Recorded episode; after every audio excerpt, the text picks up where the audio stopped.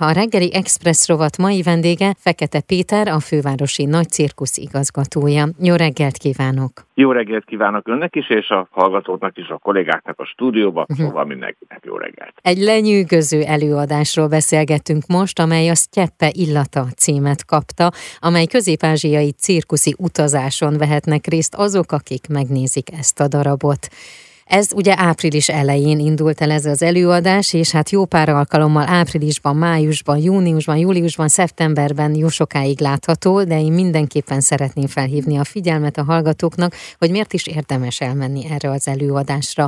Itt a cirkuszművészetnek mely ágait láthatja a közönség? Hát ismét dübörög a fővárosi nagy cirkusz, nagy boldogságunkra a hétvégén már kiírhattuk a telt ház táblát. Nem véletlen, hiszen világszámokat sikerült ismét invitálnunk, és elsősorban a közép-ázsiai régióból, Kazasztánból, Üzbegisztánból, Azerbajdzsánból, Mongóliából hívunk produkciókat, akikkel aztán egy álomutazásra hívjuk a családokat, gyerekeket, felnőtteket a cirkuszban. Egy nagy álmunk van, mert szeptembertől elindítjuk Magyarországon a lovas akrobata uh-huh. főiskolai képzést, és ha lovakkal akarunk foglalkozni, akkor bizony ezt be kell vezetni valahogy a köztudatba, és ez az egész produkció a lóról szól. Gyerekekről szól, akik lóról álmodnak, akik a bringájukat lóvá maszkírozzák, és akik folyamatosan kalandot keresnek. Aztán jön a poronmester, aki nem a bajszukat húzza meg, nem a pajeszukat húzza meg,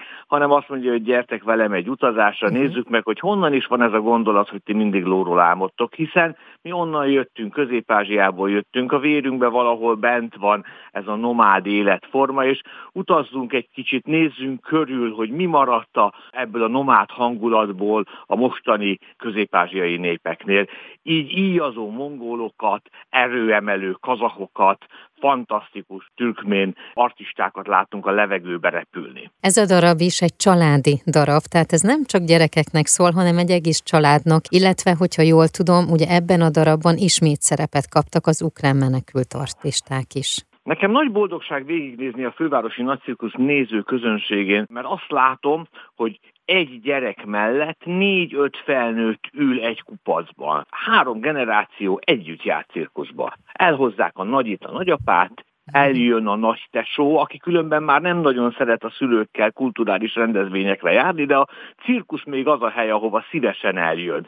És ez a három generáció összefogása, összetartása, ez a családi művelődési forma, családi kultúrvalódási forma, ez nagyon jellemző lett Magyarországon, és a csodájára járnak a világból, hiszen nagyon sok országban ez gyerekműfaj maradt, csak mhm. a kisgyerekek mennek, elbagatelizálják, el gyerekműfajozzák ezt a műfajt, Nálunk pedig társadalmi üzenetekkel, gondolatokkal, érzelmekkel töltjük meg a produkciókat.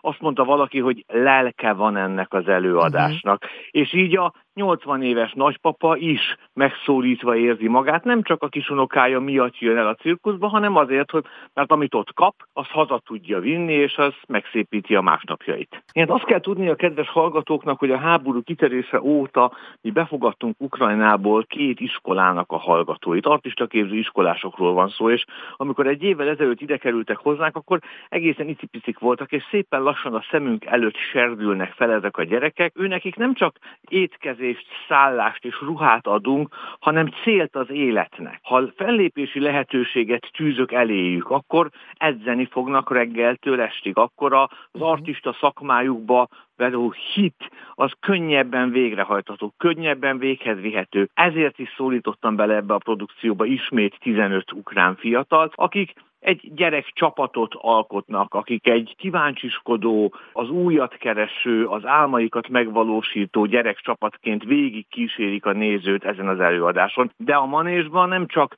színészi szereplőként, hanem artistaként is megmutathatják a tudásukat, hiszen ezek rendkívül tehetséges srácok, rendkívül tehetséges kislányok, akik kapnak aztán lehetőséget, hogy egy-egy világszám között a saját számukat bemutassák. A Sztyeppe illatú című darabhoz kapcsolódik egy etnográfiai fotókiállítás is. Ez hol látható? Megszokhatta már a közönség, hogy a fővárosi nagycirkusz az nem csak show business, hanem tudományos alapú, a háttereket kutató, európai vezető intézmény. Ennek kapcsán van egy múzeumunk, könyvtárunk, adatbázisunk, és a múzeum időről időre az adott produkcióhoz kapcsolódóan kutatásokat végez. Most azt kértem a múzeológusainktól, hogy a közép-ázsiai régiónak az illatát, a kultúráját kutassák, és felállítottunk a fővárosi nagycirkusz előtt egy mongol sátrat, ahol ott van mongóliai és közép-ázsiai ízek, illatok és